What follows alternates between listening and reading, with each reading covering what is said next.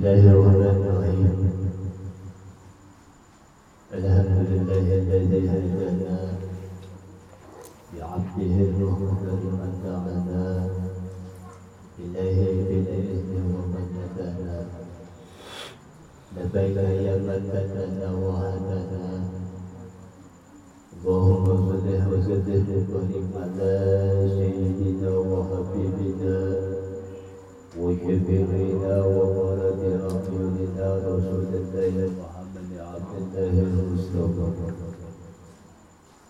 أشهد أن لا إله إلا الله وحده لا شريك له وأشهد أن محمدا عبده ورسوله لا نبي بعده ولا حول ولا قوة إلا بالله أما بعد.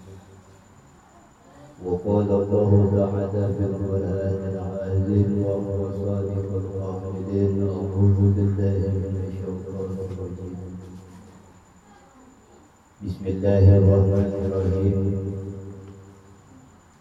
يرفع الله الذين آمنوا منكم والذين أوتوا العلم وقال الله تعالى أيضا إن الله يحبون من المحسنين.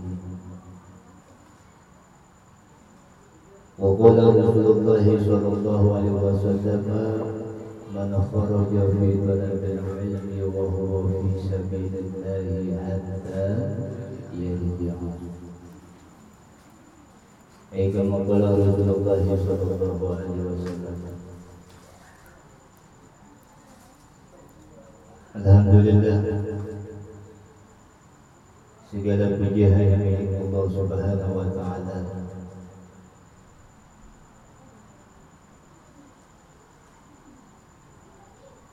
Dengan nikmatnya dengan karunia-Nya sehingga kita bisa berkumpul bersama-sama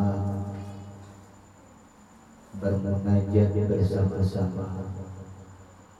Bermohon bersama-sama. Agar selalu senantiasa Allah Subhanahu wa taala selalu memantapkan keimanan kita keislaman kita sehingga kita diberikan oleh Allah suatu nikmat.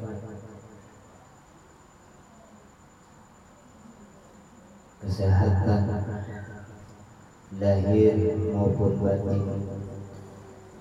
Agar selalu senantiasa kita mengabdi kepada Allah Jalla Jalaluhu mudah-mudahan duduknya kita bersama-sama di majelis ilmu di majlis zikir, di majlis salawat senantiasa dijadikan oleh Allah kita semua hamba-hamba yang selalu pandai bersyukur, hamba-hamba yang selalu pandai bersabar. Salawat dan salam selalu tercurahkan kepada bimbingan kita bagi alam makhluk yang dimulia-muliakan oleh yang maha mulia. Makhluk yang agung karena diagung-agungkan oleh yang maha agung. Beliaulah yang telah memperjuangkan jiwa dan raganya agar kita mengenal sang pencipta beliaulah yang telah memperjuangkan darah sampai penghabisan agar kita selalu cinta mahabbah kepada Allah Subhanahu wa taala dan kekasihnya. Yang kita cintai yang kita rindu-rindukan baginda kita Kanjeng Nabi Muhammad Sallallahu Alaihi Wasallam beserta keluarganya, dan para sahabat-sahabatnya. Mudah-mudahan kita yang hadir pada malam hari ini di majlis ilmu di majlis zikir di majlis salawat baik pula keluarga kita tetangga-tetangga kita saudara-saudara kita semuanya senantiasa mendapatkan syafaat dari Nabi Muhammad sallallahu alaihi Alhamdulillah segala puji hanya milik Allah. Kita telah kedatangan guru kita. Sungguh beruntung dan berbahagialah kita. Mudah-mudahan beliau selalu senantiasa diberikan kesehatan oleh Allah Subhanahu wa taala. bersama keluarga besarnya. Dan para jamaahnya, para santrinya. Dan diluaskan rezekinya oleh Allah Subhanahu wa taala dan dimudahkan setiap langkahnya beliau apa yang diniatkan, apa yang dihajatkan selalu dijabah oleh Allah Subhanahu wa taala. Habibana Al-Habib Ahmad Haji bin Ali Al-Haddad Mohon maaf apabila kami sebagai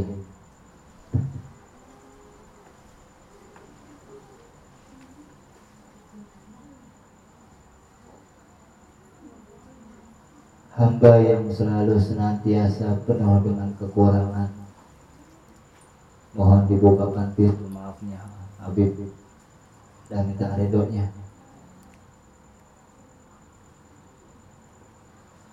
karena belum lama kita lagi berbincang-bincang kita sebut nama beliau Masya Allah diijabah langsung oleh Allah Subhanahu Wa Taala. Apakah ini mimpi? Tapi yang nyata mah nyata. Jika kita kedatangan guru sebetulnya lebih mulia ketimbang membaca kitab.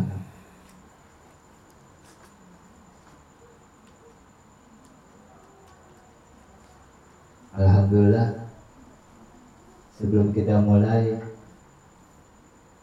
kita sudah mendapatkan izin oleh beliau mudah-mudahan kita selalu senantiasa mendapatkan rahmat dari Allah Subhanahu wa taala.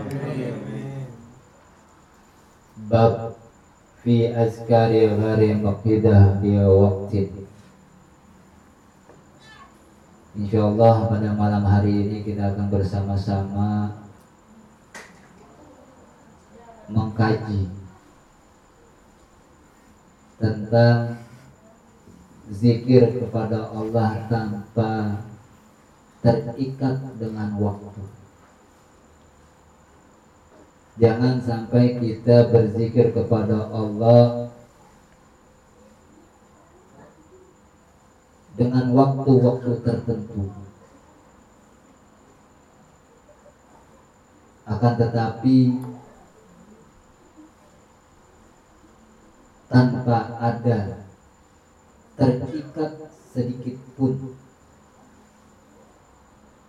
tatkala kita berzikir kepada Allah Subhanahu wa taala. At-Tirmizi wa Ibnu Majah wal Hakim an Abi Darda qala Qala Rasulullah sallallahu alaihi wasallam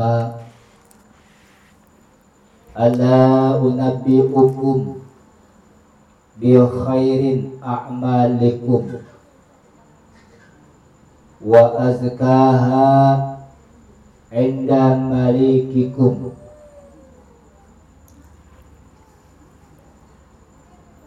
Dari Abi Darda radhiyallahu anhu telah berkata bahwasanya Rasulullah sallallahu alaihi wasallam telah bersabda Ala unabbiukum bi khairin a'malikum wa azkaha inda malikikum. Maukah aku beritahukan kepada kalian dengan yang lebih baik amalan-amalan. Sehingga lebih baik daripada harta kalian. Wa arfa'iha fi darajatikum. Kemudian akan diangkat derajat kalian oleh Allah Subhanahu wa taala. Wa khairin lakum min infaqi zahabi wa warak dan lebih baik ketika kalian menginfakkan mensedekahkan emas dan perak. Wa khairin lakum min antalqau aduwakum dan lebih baik buat kalian daripada jihad. Ketika memerangi musuh fatadribu a'naqihim wa yadribu a'naqahum sampai memenggal leher satu dengan yang lainnya.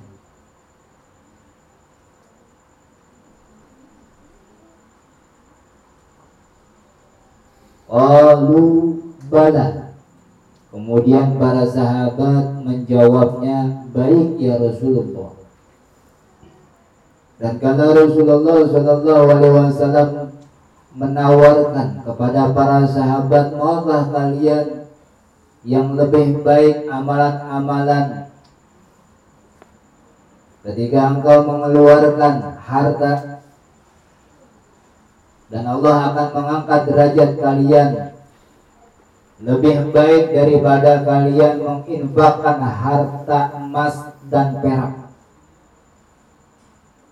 Dan lebih baik ketika kalian berjihad memerangi musuh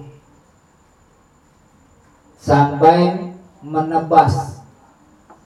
Wadadribu a'naqahum wa yadribu a'naqahum. Menebas leher dengan leher satu dengan yang lainnya. Kira-kira amalan apa yang jauh lebih baik? Yang Rasulullah Shallallahu Alaihi Wasallam hendak ingin memberitahukan kepada para sahabat Kemudian para sahabat menjawabnya, "Bala ya Rasulullah, baik ya Rasulullah." Qala. Kemudian Rasulullah sallallahu alaihi wasallam telah bersabda, "Zikrullah." Yaitu zikir kepada Allah jauh lebih baik, jauh lebih bagus ketimbang kita mengeluarkan harta kita menginfakkan ketika kita punya harta ketika kita punya perak kita keluarin tuh. Masih jauh lebih baik tatkala kita berzikir kepada Allah Subhanahu wa taala. Berjihad bagus. Tapi ada yang jauh lebih bagus daripada jihad yaitu zikrullah. Apalagi di zaman sekarang dengan situasi kondisi manusia sudah mulai jauh untuk selalu ingat kepada Allah baik hati di dalamnya baik lisan di dalamnya maupun di dalam perbuatan yang ada selalu terikat dengan keadaan yang ada selalu terikat dengan situasi sehingga kita terbawa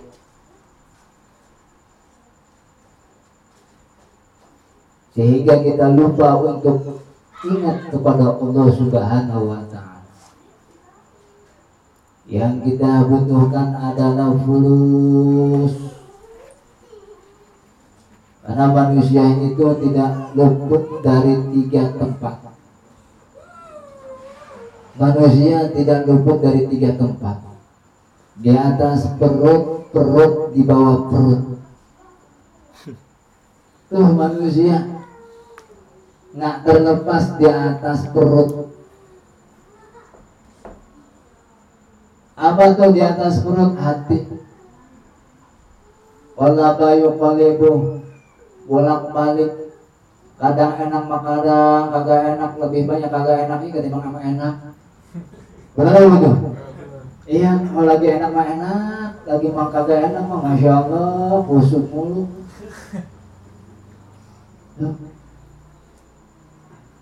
Hati. Diomongin. Wah nggak nerima hati yang kedua alah biarin aja emang dia mau begitu emang dia begitu begitu begini begitu biarin tuh apalagi keadaan sekarang mah covid itu ya udah kepikiran mau kacau aja ya Allah ini gimana ya keluar nggak bisa di dalam kusut iya urusannya perut kita tuh Wah diborong semua yang ada di supermarket sampai SPG nya juga. gitu. Allah Akbar. Kasihan rakyat pengen beli cuma terasi sama tempe. Udah bosan terasi sama tempe doang. Enak sama orang kaya, burger, hotdog. Iya anjing panas dimakan. Iya kan?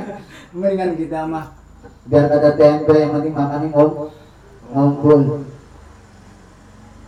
Cuma situasi kondisi sekarang sekarang ini apa? Kebanyakan kita orang Islam dilupakan dengan keadaan. Kata Rasulullah Shallallahu Alaihi Wasallam, zikrullah jauh lebih baik ketimbang kita mengeluarkan yang namanya harta, menginfakkan emas, perak berjihad untuk memerangi musuh. Sampai itu leher musuh terlepas dari badannya. Zikrullah jauh lebih baik. Astagfirullahaladzim Astagfirullahaladzim. Ketika mengendari motor Ada yang lewat Ngegas setan. Lu Masya Allah Setan. Padahal lagi istighfar tuh ke mana zikrullahnya? Di saat Allah memberikan ujian dan cobaan. Apakah sudah membekas? Apakah sudah tertanam? Eh, ini yang perlu kita koreksi. La ilaha illallah tidak Tuhan selain Allah. Tapi jabatan di Uber Allah nggak diubah. Dunia dicari Allah nggak pernah dicari. Benar apa betul. Oh. ada orang baik panasan. Ada orang pengen buat baik oh, dia kedinginan. Tetangga beli kompor ada yang kepanasan. Ya tetangga beli kulkas dia yang kedinginan. Tuh hati. Allah bizikrillahi tatmainul ingat kita diingetin mau Allah sebagai ciptaannya. Itu zaman sekarang masya Allah Nusantara bahkan dunia sekalipun lupa kepada sang pencipta yang menciptakan alam semesta. Zikrullah mah gampang disang doang, tapi aplikasinya, oh berarti harus dikoreksi. harus introspeksi agar apa agar kita berinteraksi kepada Allah nggak hanya sekedar ucapan tapi hati pun harus mantap. La ilaha illallah. Tatkala lisan berzikir hati memaknakan. Kagak ada dah yang patut disembah kecuali Allah. Yang lain kecil Allah gede.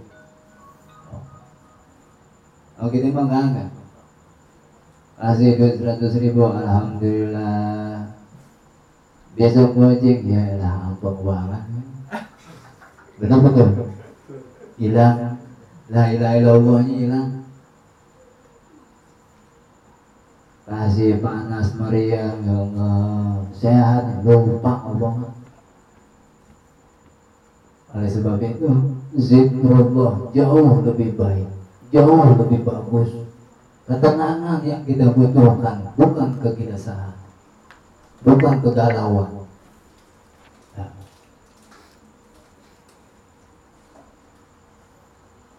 Dan harus disinkronisasikan di dalam perbu perbuatan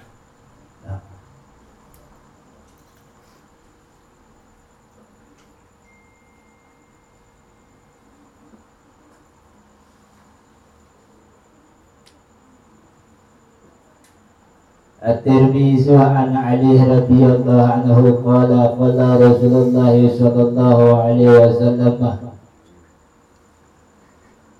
dari Ali radhiyallahu anhu bahwasanya Rasulullah sallallahu alaihi wasallam telah bersabda Ala a'lamuka kalimat kalimat idza anta wa alayka misla adadi zar خطايا غفر الله لك. قال لا إله إلا الله العلي العظيم. لا إله إلا الله الحليم الكريم. لا إله إلا الله سبحان الله رب السماوات السبع ورب العرش العظيم الحمد لله رب العالمين Rasulullah Shallallahu Alaihi Wasallam telah bersabda, sukakah ala a'lamuka, sukakah kalian aku ajarkan kalimat Ida anta qultahunna apabila engkau berzikir ketika engkau mengucapkan kalimat-kalimat alaika kepada engkau misla ada dal maka itu jauh lebih baik daripada sebanyak semut ataupun sebanyak atom khataya yang akan dapat menghapuskan kesalahan kita. Kira-kira kalimat apa nih yang mampu menghapus kesalahan kita sebanyak semut ataupun sebanyak atom Siapa yang tahu jumlahnya semut, siapa yang tahu jumlahnya atom? Hanya Allah, Allah Subhanahu wa taala. Kemudian Allah Subhanahu wa taala mengampunkan apabila kita mengamalkan suatu kalimat tersebut tatkala Rasulullah Shallallahu Alaihi Wasallam mengajarkan kepada kita apa itu? Kun la ilaha illallah al aliyul azim. La ilaha illallah al halimul karim. La ilaha illallah subhanallahi rabbis samawati sab'i wa rabbil arshil azim. Alhamdulillahi Rabbil Alamin. Allah ampuni dosa-dosa kita sebanyak apa? Sebanyak semua. Kalau kita berzikir dengan kalimat tersebut. Bahkan ketika kita berzikir kalimat la ilaha illallah dipanjangkan tuh kalimat la nya seperti mat matja masjais itu dia. Apabila matobiyu bertemu dengan huruf a alif matjais munfazil panjangkan tuh la ilaha illallah empat ribu dosa berguguran empat ribu dosa berguguran rontok sebagaimana daun rontok dari pohonnya. Ada berapa huruf tuh? La ilaha illallah. Ada? Ada berapa? Ada dua belas. Satu hari ada berapa jam? 24 jam. Setengah hari tak akan ada satupun dosa yang melekat pada dirinya. Apabila kita berzikir setanam-tanamnya kepada Allah dengan kalimat la ilaha illallah afdalu zikri fa'lam annahu la ilaha illallah. Apabila kita tambahkan Muhammad Rasulullah itu ada 12 huruf digabungkan menjadi 24 huruf Kata Rasulullah Shallallahu Alaihi Wasallam kepada Abu Abbas, ya Abbas, la ahad minkum zanban. Tidak ada satupun dosa yang melekat pada dirimu apabila dirimu berzikir dengan kalimat La ilaha illallah Muhammad Rasulullah. Kenapa? Karena kalimat tersebut ada 24 huruf Tak ada satu pun dosa yang melekat pada dirimu satu hari Cuma terkadang gini berat Berat Kenapa? Karena kita masih mikirin utang Berat Karena kita masih mikirin utang Padahal kita nggak disuruh mikirin utang Benar betul? Iya. Siapa yang nyuruh kita mikirin utang? Agak deh kita disuruh untuk berbuat baik baik kepada Allah baik kepada Rasulullah baik kepada yang lainnya. Baik insya Allah timbal baliknya pun baik. Begitu. Ini udah diajarin sama Rasulullah Shallallahu Alaihi Wasallam untuk mahabbah. Caranya banyak Salah satunya zikrullah. Jadi, akan tertanam rasa mahabbah kita. Sallallahu Muhammadin. Mudah-mudahan bermanfaat di dunia dan akhirat dan senantiasa kita berharap waktu dan tempatnya kepada guru kita karena kalau diterusin ini buang-buang kondusif gitu. Kenapa? Karena ada guru kita yang mumpuni di dalam keilmuannya, maka kita berikan waktu dan tempatnya. Salam ala Muhammadin.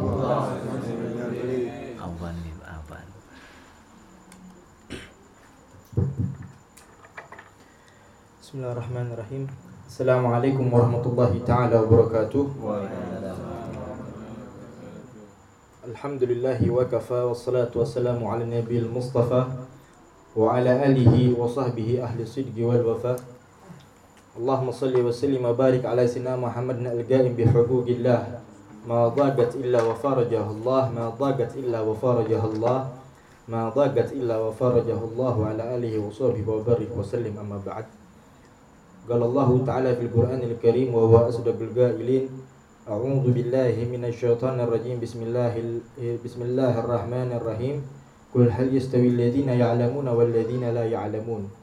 وقال النبي صلى الله عليه وسلم في رواية أنس بن مالك رضي الله عنه النبي صلى الله عليه وسلم يقول الدنيا ملعونة ملعون ما فيها إلا ذكر الله وما والاه وعالما ومتعلما وقال النبي صلى الله عليه وسلم في الحديث القدسي La ilaha illallah hisni Wa man dakhala hisni amina min azabi Sadaqallahul azim wa sadaqa rasul nabiyil karim wa nahnu ala dhalika minasyahidin wa syakirin walhamdulillahi rabbil alamin. Puja dan puji syukur kita haturkan kehadirat Allah Subhanahu wa taala yang pada malam hari ini kita masih diberi nikmat oleh Allah Subhanahu wa taala untuk bisa sama-sama duduk di taman dari teman-teman surganya Allah Subhanahu wa taala. Diberi hidayah oleh Allah bisa bermuajah.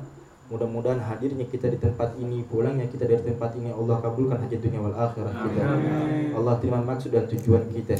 Allah hapuskan dosa-dosa kita, baik dosa-dosa yang sengaja maupun dosa-dosa yang tidak disengaja. Amin ya rabbal alamin.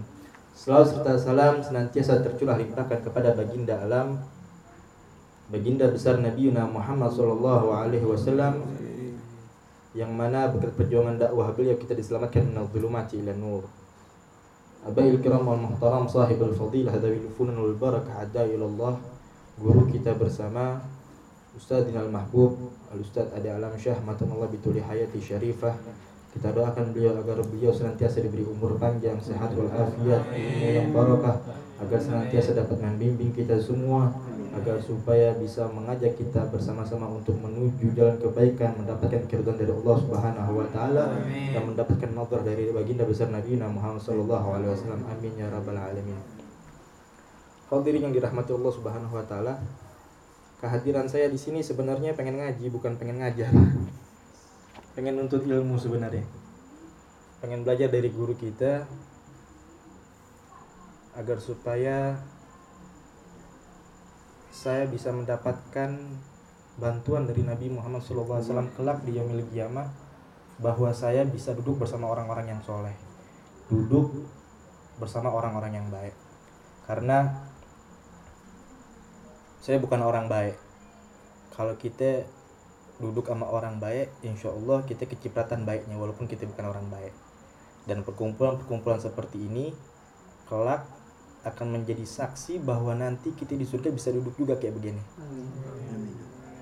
Karena kata Nabi Shallallahu Alaihi Wasallam dan beberapa ulama pun mengatakan bahwa istaksiru minal ikhwan perbanyaklah sahabat perbanyaklah kawan. Karena kelak nanti di hari kiamat fa inna likullinasi syafa'ah karena di antara seseorang tersebut akan dapat memberikan syafaat fala Allah tadkhulu fi syafaati akhik dan mudah-mudahan kita bisa masuk di dalam golongan syafaat dari kita punya saudara jadi kalau di dunia kita kumpul bersama dengan perkumpulan yang baik seperti ini, di sorga kita bakal kumpul juga kayak begini. Kalau ada satu di antara kita yang ternyata Allah takdirkan kita bukan ahli sorga, kita bisa memberikan syafaat kepada sahabat kita yang ternyata terjumus dalam nerakanya Allah Subhanahu wa taala untuk ditarik ke dalam surganya Allah Subhanahu wa taala. Mudah-mudahan kita bisa dikumpuli di surga bersama baginda besar Nabi Muhammad SAW di bawah panji guru-guru kita semua. Amin ya rabbal alamin. Hadirin yang dirahmati Allah Subhanahu wa taala, karena dikasih amanah Al-Fajir ingin menyampaikan sedikit yang tadi mungkin telah guru kita sampaikan. Sebenarnya bukan nambahin, cuman pengen ngasih dengan referensi dalil yang berbeda gitu. Dengan memberikan referensi dari dalil yang berbeda bahwa Rasulullah Shallallahu Alaihi Wasallam bersabda dalam sebuah hadisnya, "Ad-dunya mal'unatun." Dunia itu udah dilaknat sama Allah Subhanahu wa taala. Apa sih itu laknat? Kita sering dengar kalimat laknat. Laknat itu ternyata kalau bahasa bahasa bahasa Indonesia itu terkutuk. Dunia ini udah dikutuk sama Allah Subhanahu wa taala. Maksudnya terkutuk apa? Dunia adalah makhluk yang jauh dari rahmatnya Allah Subhanahu wa taala ciptaannya Allah yang jauh dari rahmatnya Allah Subhanahu wa taala udah gak ada kebaikan lagi di dalamnya karena udah jauh dari rahmatnya Allah Subhanahu wa taala terkutuk setan terkutuk karena dia jauh dari rahmatnya Allah Subhanahu wa taala, mal'un. Ad-dunya mal'unatun, mal'unun ma. Dan ternyata bukan dunia doang yang dilaknat sama Allah Subhanahu wa taala, akan tapi mal'unun ma fiha.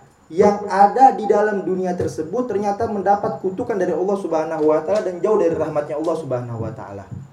Segala sesuatu yang kita pakai di dunia ini nih, semuanya ternyata jauh dari rahmatnya Allah Subhanahu wa taala. Terkutuk. Ente bayangin, kita punya handphone, ternyata handphone kita dikutuk sama Allah Subhanahu wa taala. Ente punya mobil, ternyata mobil ente dikutuk sama Allah Subhanahu wa taala. Ente punya kendaraan bermotor, motor ente dikutuk sama Allah Subhanahu wa taala. Ente punya baju, ternyata baju ente dikutuk sama Allah Subhanahu wa taala.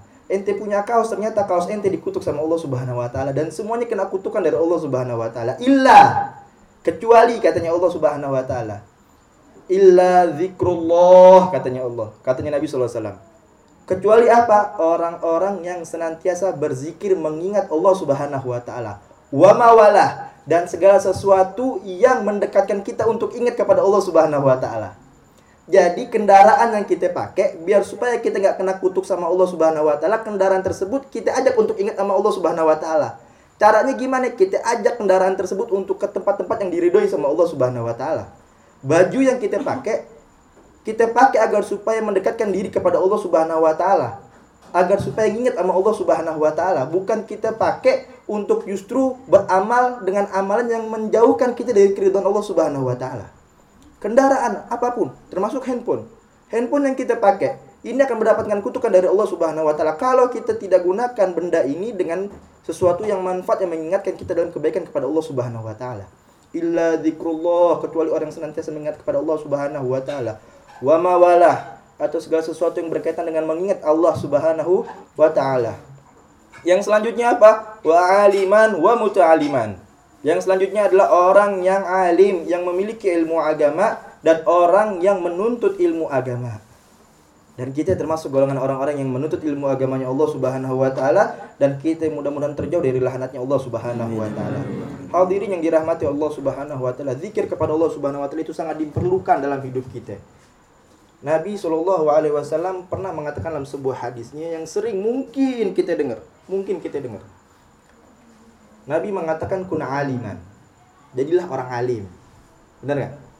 Jadilah orang orang alim. Kun aliman au muta'alliman atau jadilah orang yang senantiasa menuntut ilmu. Kalau nggak bisa jadi penuntut ilmu, kata Nabi kun mustami'an. Jadilah orang yang senantiasa senang ngedengerin ilmu agama.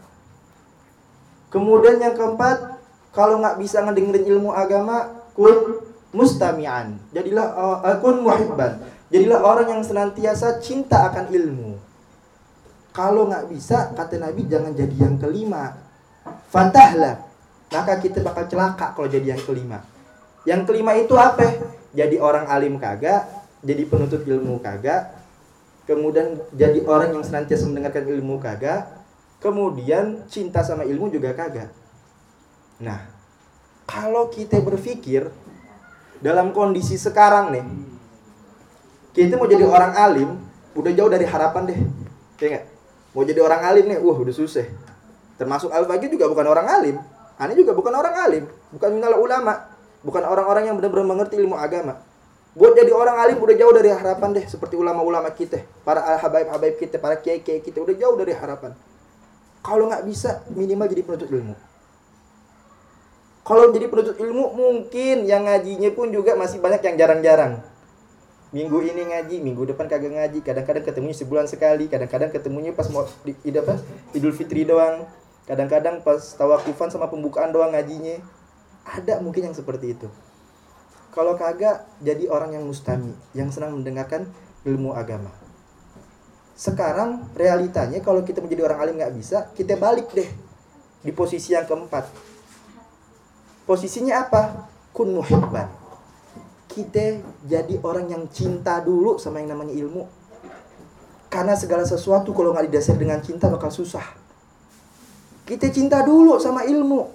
Cinta dulu sama ulama cinta dulu sama yang namanya ilmu agama cinta dulu dengan kita sering mendengarkan ilmu agama cinta dulu dengan nama orang-orang soleh cinta dulu untuk senang hadir di majlis taklim dengan berdasarkan cinta yang ketiga bakal ngikut kita udah cinta kita bakal sering ngedengerin yang namanya ilmu agama kalau udah sering ngedengerin ilmu agama kita bakal jadi penuntut ilmu kalau udah jadi penuntut ilmu dengan sering mendengarkan ilmu agama insya Allah Allah kategorikan jadi orang yang pertama jadi orang yang alim karena untuk proses jadi orang alim itu nggak gampang.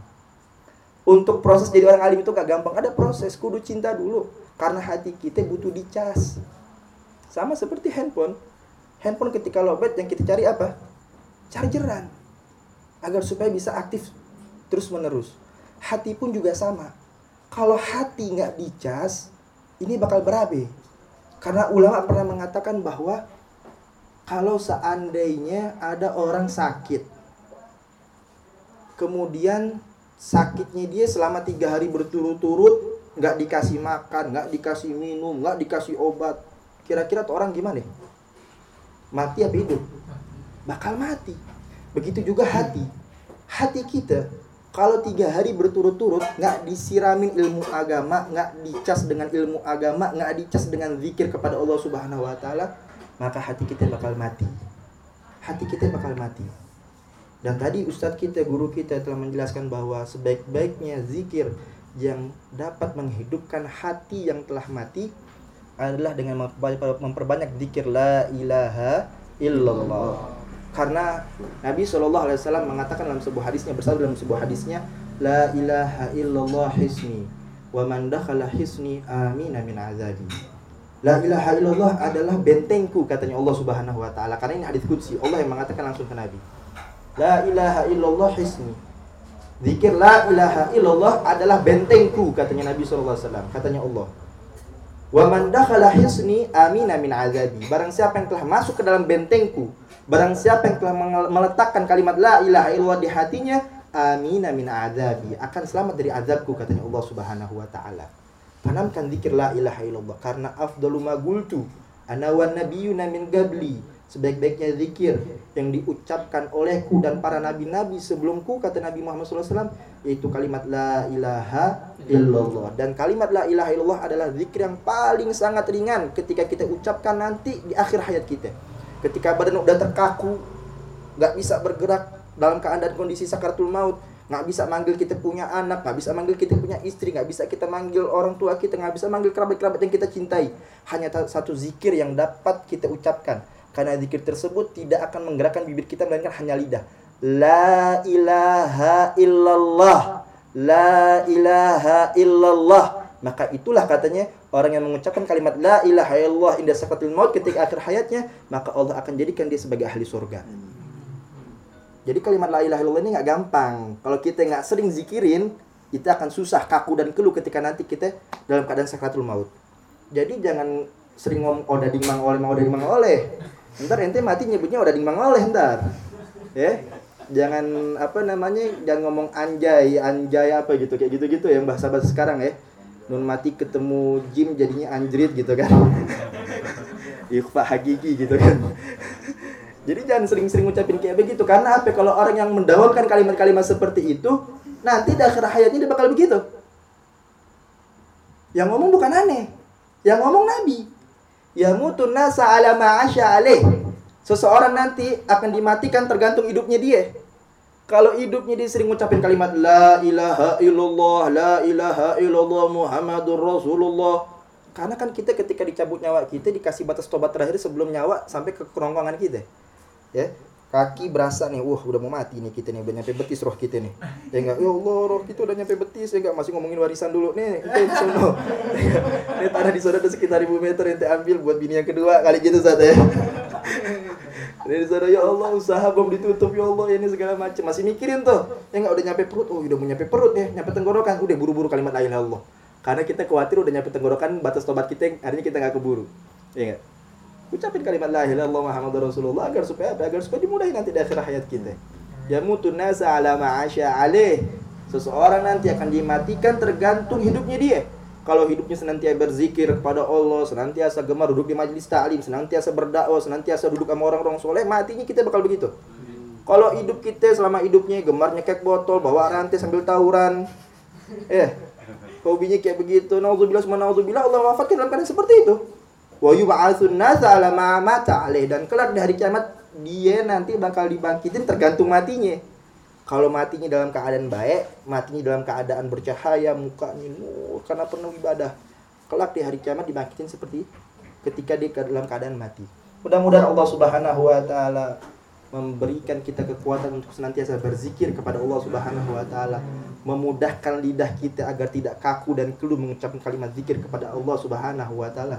Dan kita minta Allah Subhanahu wa taala agar nanti di akhir hayat kita kita dapat mengucapkan kalimat la ilaha illallah Muhammadur Rasulullah sallallahu alaihi wasallam bihaga igiha mutahagigin wa anta radin anna fi khairin wa lutuf wa afiyah wa ila hadratin nabi. Sayyidina Muhammadin sallallahu alaihi wasallam bisri asraril Fatihah